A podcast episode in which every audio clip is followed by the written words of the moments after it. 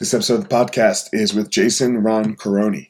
Jason is a military vet and he works with um, that transition between uh, military vets end of service into back into normal life, um, especially the leaders of military services. So, um, even though we didn't really talk about that too much in the podcast, we talked about his own personal struggles and how his, um, I would say, poor entries back into civilian life led him to where he is and what those poor entries looked like and how he was able to change his life and change um, his viewpoint uh, uh, surrounding himself.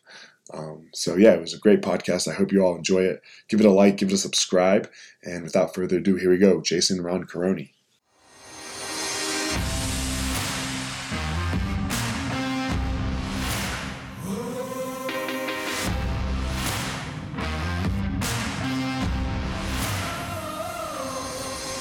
What's up, my ninjas? This is former UFC fighter Elliot Marshall, and this is the Gospel of Fire, where we are going to learn how to go into the fire so that we can find our power and live the best life possible.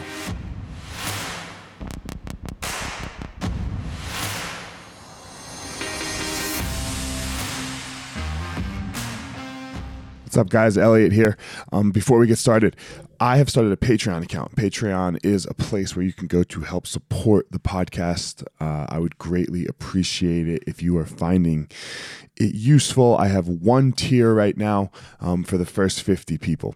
You will get all of the short hitters, all of the little inspirationals on Tuesday, Wednesday, Thursday. They're going to move behind the Patreon, so you, you'll have to subscribe to get them and then also a monthly ask me anything and a recipe and a jiu-jitsu technique uh, will all come directly to you.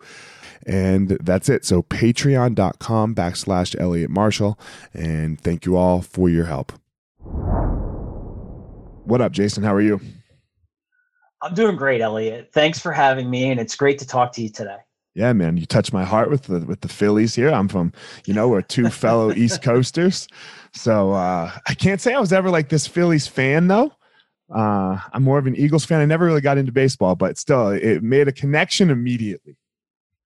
So uh, I bought this shirt, ironically, back when they were making their World Series runs about a decade ago. Mm-hmm, mm-hmm. But my heart is with the Eagles. I'm a diehard Eagles fan. Okay. Uh, always have been. I cried when they won the Super Bowl. um, my wife still laughs at me about that, but uh, for anybody who's been a lifelong Eagles fan to have that experience, and Nick Foles of all people, the the Rocky Balboa of the city mm-hmm, of Philadelphia, mm-hmm. the underdog uh, it's just such an amazing story. So, uh, yes, I am a diehard uh, Philadelphia fan in, in the truest form. I got so upset with the Eagles because I have pit bulls and I love pit bulls and the Michael Vick thing. And man, the I I know he paid his debt to society and and everything right like and and and i'm not I, I don't even know that i hate him that much anymore i don't know what i do but i get i had to move off the eagles for a minute like until they got rid of him because i couldn't root for him like i wanted his legs to be broken like i wanted him to break yeah. his legs so like how can i root for the starting quarterback of my favorite team to not have his legs broke so um yeah I was living in Denver, you know, and uh, right outside of Denver. So like I chose the Broncos because it was a good time because they sucked. I couldn't jump on, right? Like I couldn't jump on right after the Elway Super Bowl, right? Because I moved here right after the it. second Super Bowl. That's I had right. to earn it. That's how That's I felt right. like, okay, who am I going to like? I'm in Denver. They're awful. Okay, here we go. So yeah, I am still in, I am I am back on the Eagles now because Vick is gone. Um and I don't even He's like saying that. Amazing.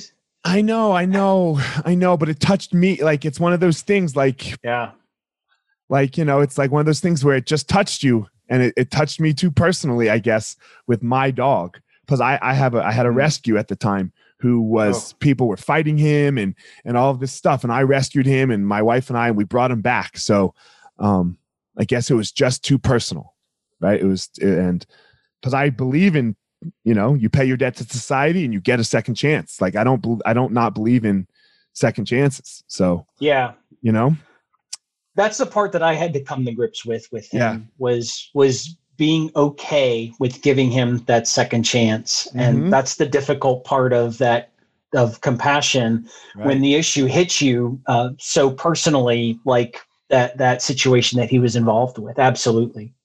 And I would say that for me personally, like in my life, I've tried to since that point, like uh, really work on that. What you just said, finding the compassion for somebody when it does touch you personally, when it's like, uh, you know, I don't know when you when like yeah, it did affect you and it does affect yeah. things in your life, but giving that person and and I'm like you know obviously with the with the podcast when I say the gospel fire, I use like to use some religious terms even though I'm not. Uh, giving that person some grace, you know, giving that person some yeah. grace because that's what I would want if I fucked up. Yeah, and we all go through those moments, yeah. right? We all have those moments that could be wrapped in shame that we're not necessarily proud of but to your point, we can persevere through those moments. We can learn from those moments and we can repurpose that experience into something that's more positive. And that's part of the challenge, I believe, of life is to be able to take those moments and repurpose them in a way that other people can learn from them and grow from that experience. So you, and not to, I mean, I'm just going to use your word of repurpose here. Um, not that you ever re repurpose a human being, right? But mm-hmm. um, a lot of people who enter the military then come out of the military, right? Mm-hmm. And what you do is you help them in this transition period, right? In this, like you you help lead them. Sometimes is that a correct assessment uh, on a general sense, on a big sense of what you do?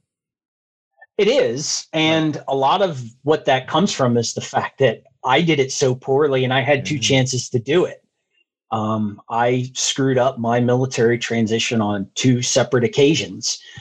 And that's what inspires me to to do a lot of this work that I do here um, in working with not just military leaders, but executive leaders to help. Because I mean, I understand what that leadership moment is. That that moment of crisis when everybody on the team is is looking for you to have answers, and quite frankly, you don't have them. But they're looking and they're relying upon you. And there comes that moment for every leader when they're looking at themselves and they've got to do that for themselves.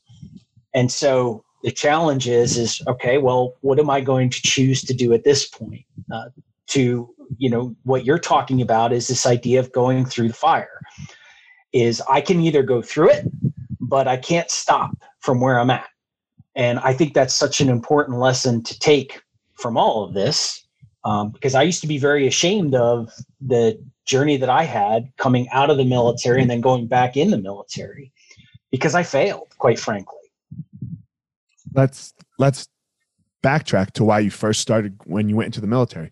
What was your reasoning like? Um, and I'll just be super honest. For me, I can't grasp it. Like I can never, I can't grasp the military. Like it's, uh, it's very necessary. It's and, and I understand there's a lot of things that are necessary that I can't grasp. So it's not just the military. I want right, but like it's never something that like I was like, oh yeah, that's that's what I would love to do. So um, it's the opposite. So what was what was your what was your move there? Well, for me, I couldn't grasp it either, to be honest with you, okay. because um, I came from two parents, very blue collar background. Um, my dad worked during the day. He did mortgages, banking, things of that nature. My mom worked at night as a nurse, and the only okay. thing they wanted for their kids was to go to college because they didn't have a chance to do that. I just wanted to do something different. I didn't know anything about the military, what it was, um, I didn't understand the military journey uh, other than what I saw in movies. So think back to those great 80s movies, the Rambos and the Red Dawns and the Top Guns. And, and that's what I thought the military was. I went to this hiring event, or not hiring event, but it was a recruiting event for the United States Military Academy at West Point. I went to this thing and I was wearing my uh, Chuck Taylor shoes. I had a cut off Led Zeppelin shirt. My hair was probably four times as long as it was now, curly. I did not look like a military candidate whatsoever. But what they were offering was something that was different. It seemed exciting.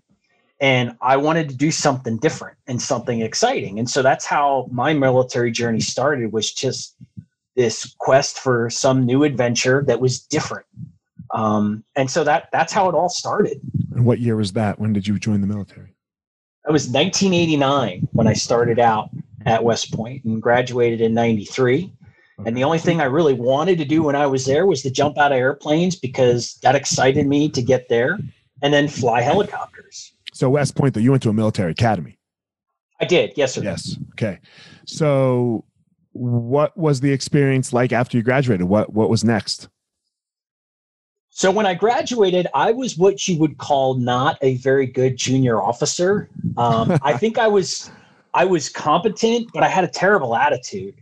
I was cocky. I was arrogant, um, and I chalk all that up to insecurity and immaturity.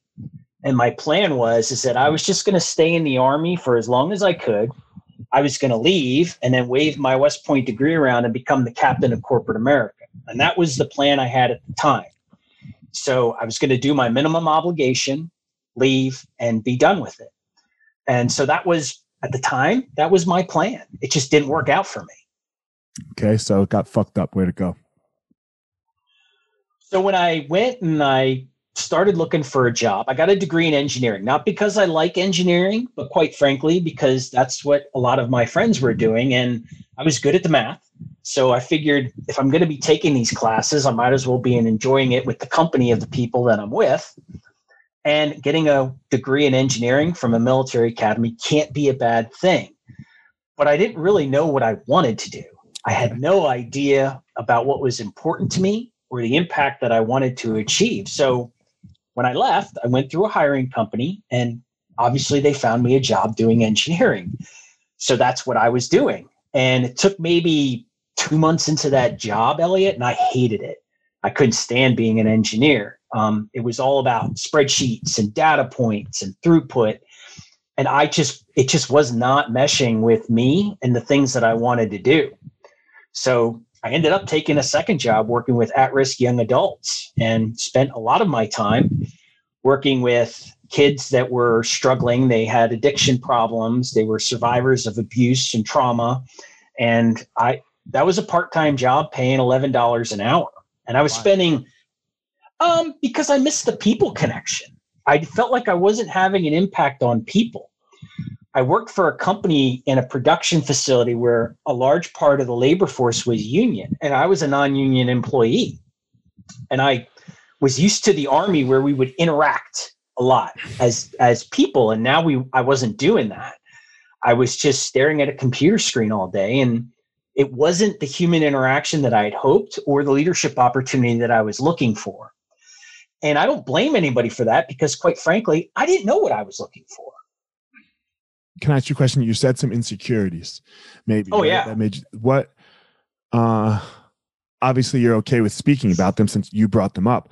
What were, oh, yeah. or, you know, yeah. I mean, this is part of the like. If you want, if you want to lead, you better know what yours are, right? So, um, yeah. What what what insecurities at the time were screaming that that kind of held you back in in these areas? Uh, the biggest one was probably the idea of not good enough. I looked for validation externally because I wasn't comfortable with giving myself validation when I looked in the mirror. So it was all about how much money was this job going to make? What was the salary? What was the job title? And I connected with that external form of validation because I wasn't comfortable with my own strengths as a leader. So if other people would say that I was a good officer and a good leader, that was fine. It didn't matter what I really believed. I attached myself to that. And quite frankly, it ended up getting exposed. Right. Man, uh, every morning I have some gratitude time. You know, like uh, mm-hmm. I I wake up, I meditate, and then afterwards I, I roll to my knees and I have some gratitude time and the and then I, I say the four agreements. You know, have you ever read the book The Four uh, Agreements? I have. And then at the end of them, I just say to myself that that exact thing, I am enough. Because we, I think so many of us struggle with that thing that we are not enough. Um, and the world can kind of tell us this sometimes that we aren't enough. Uh, and then we do exactly what you said. no I'm going to show you that I'm enough because of my likes and my followers and my and look at all this money I have. That's right. Right. So, how did you get out of this insecurity? Probably not in the way that you'd think uh, because things got actually quite a bit worse for me uh, okay. when I took that job because my plan was that, hey, I'm going to do this job for a time. I'm going to get a degree. I'm going to find another job and something that's more interesting to me. Well, this is about the 2001 timeframe. And before 9 11 happened, the dot com bubble burst. And when the tech bubble burst, the economy took a downturn, but I worked in an organization that made the pieces and parts that made the whole tech bubble possible. So it hit us very significantly, and I got laid off. Um, and I didn't know how to find another job. At the time, I was 30 years old. I'm a graduate from the United States Military Academy. I was what I thought was a successful officer based on these other definitions. And I had to move back in with my parents because, quite frankly, I didn't have enough money to make ends meet. And thank God my parents were there because I, I just didn't know what I was going to do with myself at that point. Didn't know how to find a job, didn't know how to find what I like to do, none of that. I was truly lost. And I'm just great, as you talked about gratitude. Man, I'm so grateful that that experience happened uh, close to my hometown so it was easy for me to to make my way back to my parents reconnect with them build that relationship uh, because that was pivotal in my life at that point. So what'd you do afterwards? So you moved back well, in. Well, how did you get out of that? Because like no no no 30 year old wants to do that especially if you had some success out of the home right? Like it sounds like at first and then it burst. I did and you're right. I there was a whole lot of shame surrounding that. Um, what happened was I figured that I would go and potentially fly for the Coast Guard. That was my plan. So what I didn't realize was is when I resigned my commission from the Army, they put me in an inactive ready reserve status, which meant that you were still on the Army's roster, that if something happened, they could call you back up. I didn't really understand that at the time. So if I wanted to go and fly for the Coast Guard and try to figure my life out, I had to actually get permission from the Army to leave. And here's probably where I had the greatest moment of shame because I had to reach out to people I used to work with, people that had really put a lot of faith in me, people who were trying to tell me not to leave the Army. And I had to get their help in order to make this transition from one service to another. I was so stressed out about it. I spent the entire weekend trying to craft this email to figure out how I'm going to reach out to these people because honestly, I didn't think any of them were going to respond to me. My plan was I'm going to reach out to four people and I hope that just one of them responds. And I got lucky when I sent out the email. Within 24 hours, all four of them responded to me. And they all said some version of the same thing, which was, we got to get on the phone. We have to talk this out. And I'm just very grateful that they were willing to demonstrate what real leadership and mentorship was to me in that moment. Because quite frankly, I hadn't seen it before. And I was very grateful that I got to see that. And if I hadn't hit that point, I might not have seen it. So you reach out to them and they respond. I'm assuming you get on the phone and talk it out. So we, we do. Were you able to get to the Coast Guard? No, they convinced me to go back into the army. Okay. and uh, what they told me was, is quite frankly, if if I had a better attitude, I was good at what I did, but I just had a terrible attitude. Maybe if I changed my attitude, it would be a different hmm. experience. Mm. And they challenged me. They said, do the hard jobs, go all in, and see where it takes you.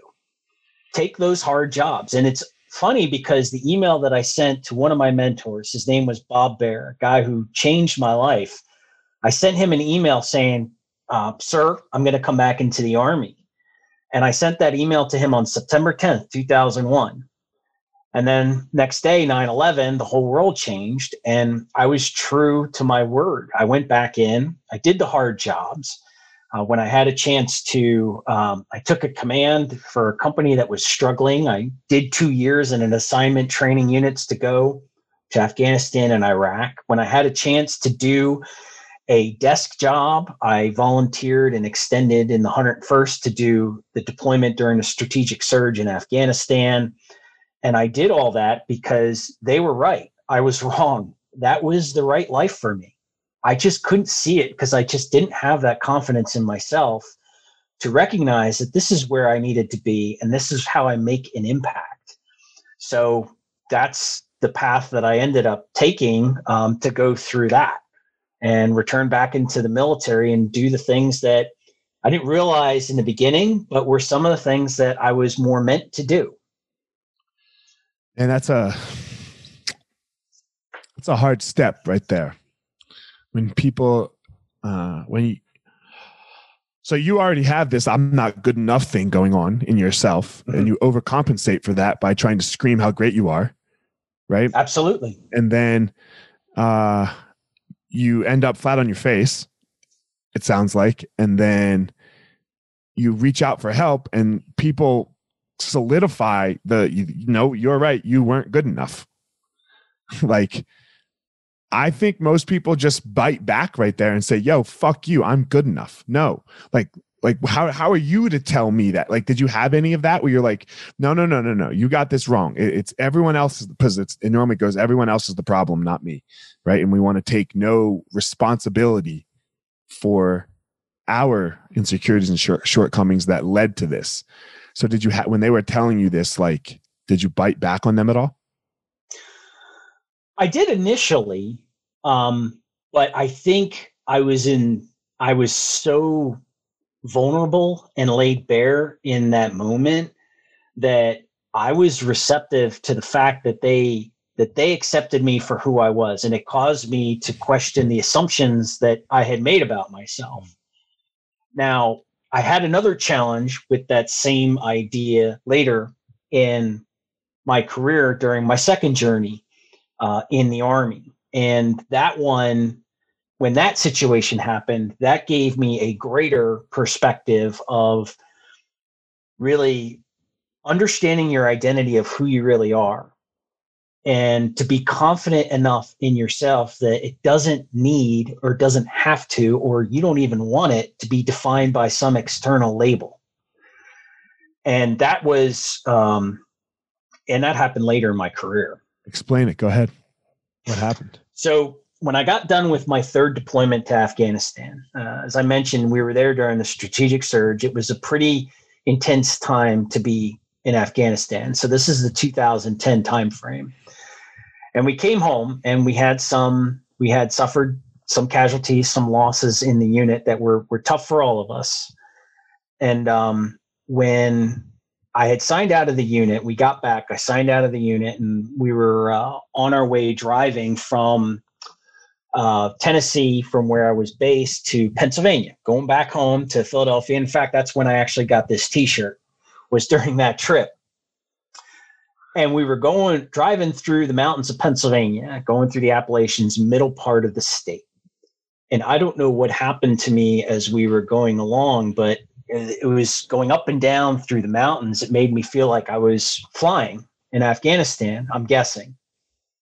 And I had a debilitating panic attack uh, on the interstate at 65 miles an hour with my six year old son in the back of the car. You, you, were driving. I was driving.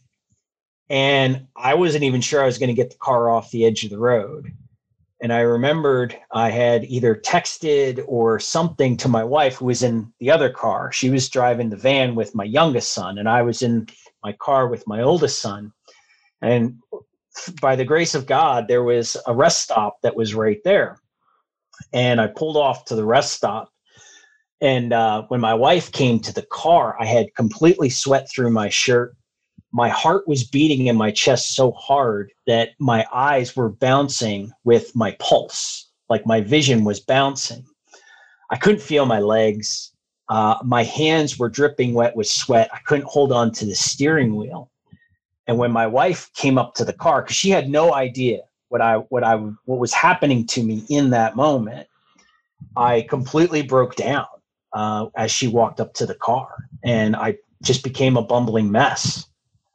And that's when I realized that the cycle of the third deployment into Afghanistan had taken its toll. And where it became an identity problem was that I wanted to feel like I was a part of this elite group of warriors that was out there and they could go there and they can do this stuff um, as a soldier and come home and not feel any of the impacts. Like it was a, it was an element of toughness and grit that I tried to identify with, and all of a sudden that identity was shaken because I was a mess, and I didn't realize how bad of a mess I was at the time. Um, but it was really hard, and I'm looking into the eyes of my wife, who is the most important person in my life and I'm wondering what she's seeing when she's looking back at me because this was the persona that I had had. And what I realized in the time after that was that this was the second part of the lesson about being able to to have strength in yourself especially when you're enduring these kinds of challenges. The first one was just the job one. This one was bigger because it dealt with my entire identity uh, as a leader, as a soldier, as a husband, as a father. I wasn't sure what anybody was looking at when they were taking a look at me at that point. Ah, uh, goddamn, I can relate. you know, God, like I think so many people can relate. I hope, um, but not have necessarily the courage to explain it and explain it so well. Uh, that is I will just say that's exactly how it was like retiring from fighting, you know, of you are not the champion. Uh, almost, you know, we just had a fight this weekend, this past weekend, and I don't know when this will come out, but Khabib Nurmagomedov mm-hmm. got to it, gets to retire 29 and 0, never been beaten, the undisputed greatest lightweight of all time. Mm-hmm. It's the first time. No one else has ever done it. right? Like, so everyone else gets beat. Everyone else, it, it, ends poorly for me included. And to deal with life after that, when you're not the biggest, baddest dude in the world, when that's what you were trying to be, right? And to be like, I'm the fucking man, because you have to believe that. If you don't believe that, then how are you going to go to war, right? My team's the best, right? How are you going to, like. Real war for you and not real war, but war still. Like somebody's trying to rip my head off. Yeah. right. You know, I can and, only imagine what that yeah, situation was like. Uh, it's, it's incredibly, uh, anxiety producing just as real war, I'm sure is more. Um, but then like the truth gets told and you're like, holy fuck, I am not that. And no. I've been, I've been screaming that for a while so you hide it and you hide it, and then all of a sudden it breaks. And when That's exactly breaks, what happened. Yeah, and when it breaks, like you don't know what you don't know how to handle, like your whole identity of who Jason or Elliot is is gone. So how did you handle after? Well, it was a little bit of a long road there. Um, I was very fortunate that I mean it didn't just wife. it didn't just go right away. You weren't just better tomorrow no, it, it didn't. Um, there were, you know, I was very lucky that I had my wife, and to the challenge was is for the people who really love you is to see yourself with the same eyes that they look at you with. And what I realized was is that I wasn't that. And the epiphany that I had which ironically, I was working in the Pentagon and it happened when I was walking up from the basement to where my job was in the Pentagon was that it, it honestly, it didn't matter what rank I was. It didn't matter if I was a commander, didn't matter if I was a staff officer. Quite frankly, it didn't matter if I was a soldier. Jason was enough. I could choose to lead, I could choose to influence, I can choose to inspire as Jason and that was enough. And that was the realization that I had. And when I made that realization, the last three years that I served in the Army, including as a battalion level commander, were the best three years of my life because there was no preconditions, there were no prerequisites, there were no false standards, no facades. It was just me being myself. And because I had I was able to step into who I was, that was enough to connect and inspire others to do the same thing for them in their lives. And so it was, although the journey to get there was absolutely not easy, and there were times when I wasn't sure how it was going to turn out. There were times when I was probably drinking more than I should have. There were times when my temper was probably not what it should be, but to be on the other side and to look back and to realize that I'm able to give my energy to other leaders, to other people that I care about, to other people who maybe have had the same journey, that to me is what makes it worth it. You went through the fire. And the fire I, I sometimes did. burns very, very intensely. And sometimes it's just a little bit, but it's still a fire, you know? And uh how you come out the other side is is the what what what does that sword look like on the other side when it's done you know is one of the most important things. And it sounds like what what really stuck with me there what you said was jason was enough. Not not That's the star you don't need the stars on your uniform right? Or is it mm. stripes? I'm not which one is it? It was uh, oak leaves and birds yeah. and colonels and stuff like that. That that's cool right? That's cool. Right. You know, but that's not what the prerequisite for being enough is. That's right. And if I didn't figure that out the first time,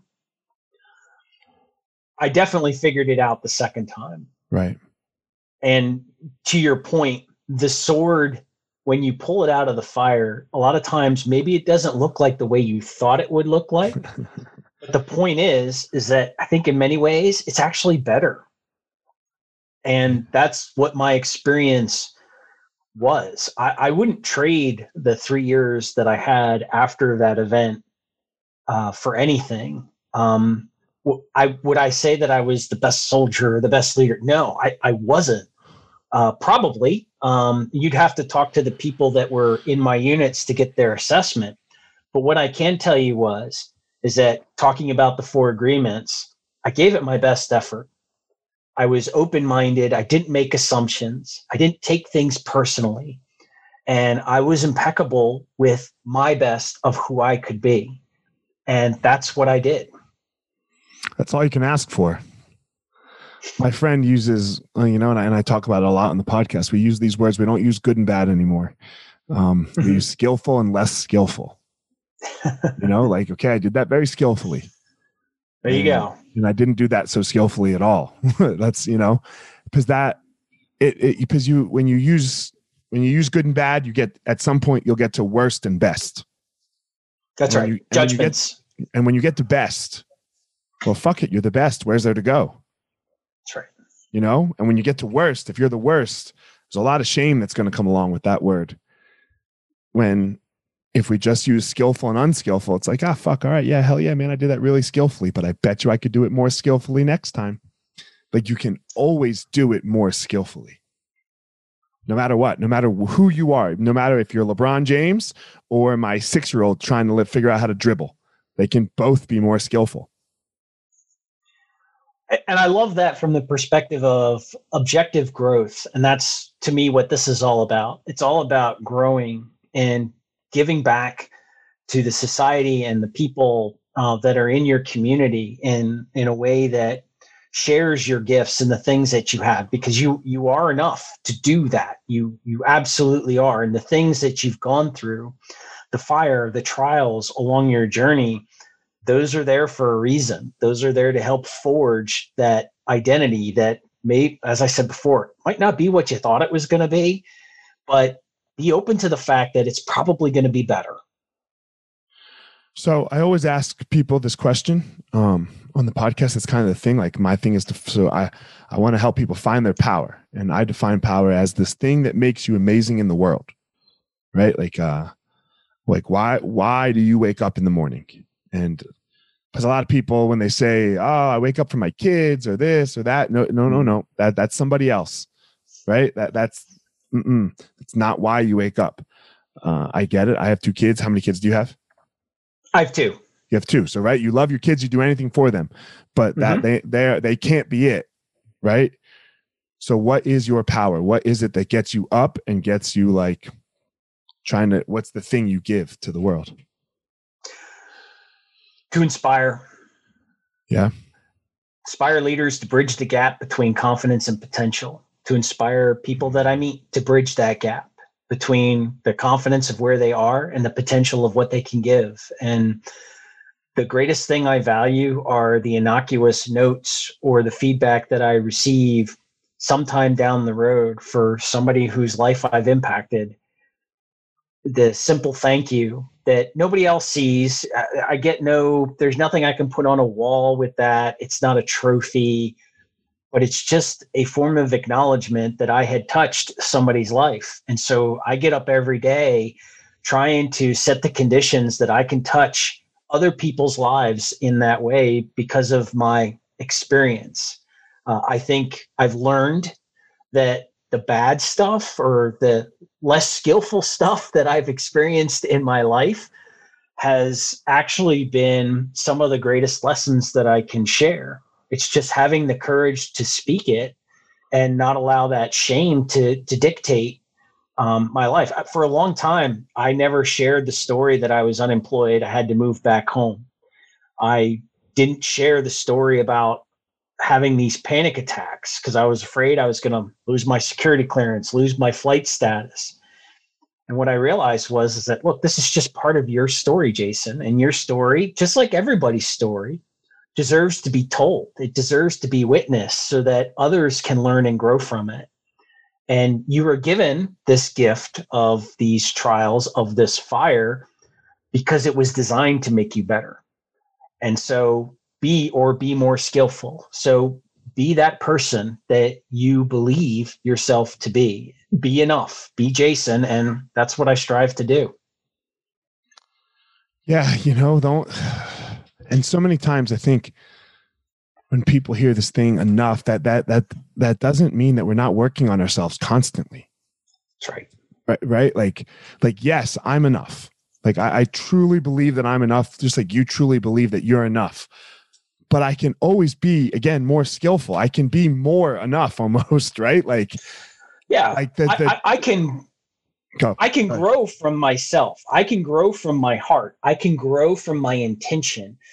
I can grow from the goals that I set for myself. I can change my vision. I can shoot for the next peak.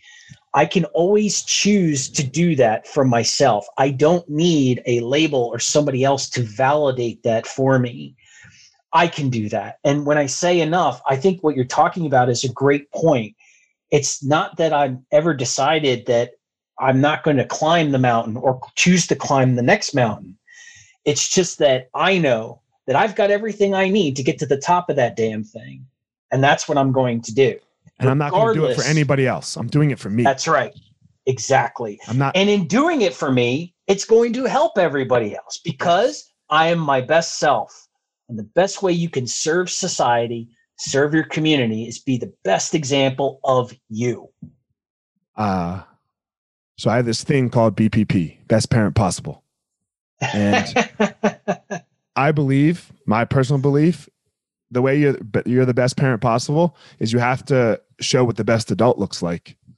That's right. Right? You can't tell. If you tell people, or even especially your kids because man let me tell you i got young kids right now they love me. They're like 10 they're, they're 10 and 7 and like my one just engulfs everything i say. He's like oh my god my dad's a fucking man i know that's ending. That is coming to an end right? So if all i'm doing is telling whew, it's going to be rough here in a couple years. So that's one of the things that uh, when you talk to military leaders who are leaving is the the the thing one of the things that I try to challenge them with is this idea of because we all talk about well the military life is is very demanding and I want to be more for my family. And a lot of times we reduce that idea of being more into what we can provide as providers. Mm. and the other side of that is the example that we set so we talk about spending more time with our families, but what's the quality of that time look like? Are we miserable with our lives? Uh, are we working 14 hours a day because we're trying to get that next thing? Or have we found the right balance to where I'm living the example of what happiness and fulfillment looks like so that the people who are in my household can see that example and they can emulate it in their own way? And however way they choose, they can be the best version of themselves. and I, I totally agree with you. I think there's something to be said for that. And here's the thing the person who gets to choose what makes a great parent isn't us, it's the kids. and who knows when they're going to make that determination and how, but that's that's a part of it is that we and don't it's an get evolving mark that. that you have to hit. It's not the That's same right. mark. Like when you like you know when your kids were one, the mark was low. Right? Yes. Like it's a lot of work on our end because you're tired and you're this and you're that, right? But the mark is very low. Are they clothed? Are they fed? Uh are they sleep? Are they healthy? That's about the end of it. Right? Yes. Like are, is their diaper changed? this this mark is is moving and it's moving in in a way that you have to adjust and see and adjust and see. And i think the mark always moves. So the idea of enough again right? Like you have to be moving. If you're not Yeah. moving then you know you might not say that you might not be enough but like that that's a tough thing to say I- i'll, I'll never say that no somebody's not enough but they're not hitting their potential. They're not realizing they're they're not bridging that gap what did you call it between potential and confidence. uh, confidence you know? Exactly you know? So you like part of part of that charge i think is realizing your potential. And that i think that's where the parents come in as as an example. And Mhm. so when you think about because we all have this vision of and we can make a very clear vision of how we want our kids to live their lives. We see them happy. We see them fulfilled. We see them in a place to where there's not a whole lot of want. And so the thing that i would challenge people with is so how are you living that example today? And you can tell them that but you're the person they're going to see most. So what are they learning from your example? Um, how are you coexisting with the people in your life? Is that what you want them to do? And if it's not then you've got a choice um, you know how in terms of how you want to live your life.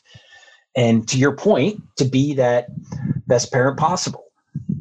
Yeah man. It's uh it's such a it's such a fun game this game of life we play right? Um so it we is. talked we talked about it a little bit off the podcast um or off offline but i always like to know why why do my podcast? Why come on here?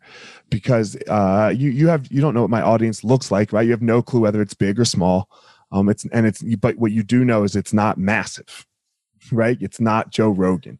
It's not Ferriss or or somebody where you're just going to blow up. So why why do you see and i'm sure i'm not the only podcast that you do. So why do you see the time taking the time to do this like a smaller end podcast? Why why because I, I don't know if they're the person on the other end. There might be one person and one person could hear this and they could hear the things that i've talked about and the shame that i endured and the the ability to to come back from that and embrace that not necessarily as a weakness but to see it as a potential strength to help others. And maybe that will help one person so it's worth sharing this story and to have this conversation. The thing that connected me was this idea of getting people to be their best selves. And in order to be your best self, you have to be able to, to recognize that the name is enough. Jason, in my case, is enough. Elliot is is enough in your case. And it's easy to say that. It's really hard to get there. And so if by sharing my story I can help one person, then this is time well spent from my perspective. yeah man i love this idea that the name is enough because everything in the world tells us to not do that right when your instagram profile your bio your Yeah. linkedin you have to put all of your accolades on there right Yeah. so you're like How I many need- likes do you yeah. have? That's right. I need How more many accolades. I need more. I need more. I need more. I, it's not enough. It's not enough. Uh, I worked with somebody, you know, who who helped really build Tim Tim Ferriss's podcast, and they took it from like I don't know, ten thousand downloads an episode to one million downloads an episode, or 100, 150, whatever it is, right? What, wherever they got to, that was massive, like massive amounts of downloads. And he said that he was like, man, Tim is always upset that he's not Joe Rogan right? And it's like, dude, you're killing the podcast game, right? Like, okay, you're not Rogan. All right, but like, what about Tim? Is Tim enough? Like, and he never felt that way. He didn't feel that Tim was enough. And it like drove a wedge in between people because it just what like that. And that doesn't mean that you can't strive to like be Joe Rogan. Like, like there's there's things that are good to shoot for, like, but you like goals and and things. But goddamn, Tim was enough. Exactly, and yeah. and that's part of his journey is is yeah. to potentially to realize that himself. Right. Joe Rogan can be a great Joe Rogan. He just needs to be a great Tim. Right. So, all right, man. Tell everyone where they can reach you if they want to work with you. I know we didn't get into too much about like the military end of it, but uh, your enough stuff and your your journey was was really uh inspiring to me. I kind of wanted to keep digging. So, um, where where can oh, everyone reach you, and, and where can everyone get a hold of you? So the best way to connect uh, for military leaders is uh, I encourage them to take a look at the Commit Foundation, and that's at commitfoundation.org. It's an amazing nonprofit organization. For me and my part, um, my business is located at ordinaryherocoaching.com, and that's for executives who are looking to really step into their potential as leaders. And so uh, that's how you can reach me, uh, one of those two ways. Um, that's about it. All right, guys. As always, Jason has his unique power and I have my unique power. Please don't go out there and try to be Jason and don't go out there and try to be me. You go out there and you find your own power. All right, everyone, thanks for listening to this episode of The Gospel of Fire. If you enjoyed the episode, I'd love a review on iTunes or wherever you are listening to this podcast. Don't forget to follow me on social media at Fire Marshal 205 if you are a BJJ enthusiast, check out my YouTube channel. I put all kinds of instructional DVD uh, videos out on there, so go check it out. My book is still out on Amazon by the same name as the podcast, The Gospel of Fire. So if you are interested, go check out that. And most importantly, guys, go out there every day, find your power. Thanks a lot. Guys, look, I get it. I totally get it. You opened a martial arts school, and man, it's kind of crushing you. There's all this other stuff to do other than teach, right? You love teaching. You love jujitsu. You love Muay Thai. You love karate. Whatever it is you're you're teaching. And man, but there's all this other stuff. There's there's the front desk. There's there's taxes. There's curriculum. There's cleaning. There's there's problems, staffing, covering. Whew, man, it's so much. It's so much. Well, let me tell you, uh, we have started what's called Easton Online, and Easton Online is here to solve all of these problems for you. Easton Online is a digital academy for martial arts school owners and managers. Will help you establish or enhance your business with best practices. Most importantly, we're going to help you get back to what it is that you love most teaching and doing martial arts. Okay, so for more information, guys, go to easton.online. Again, that's easton.online.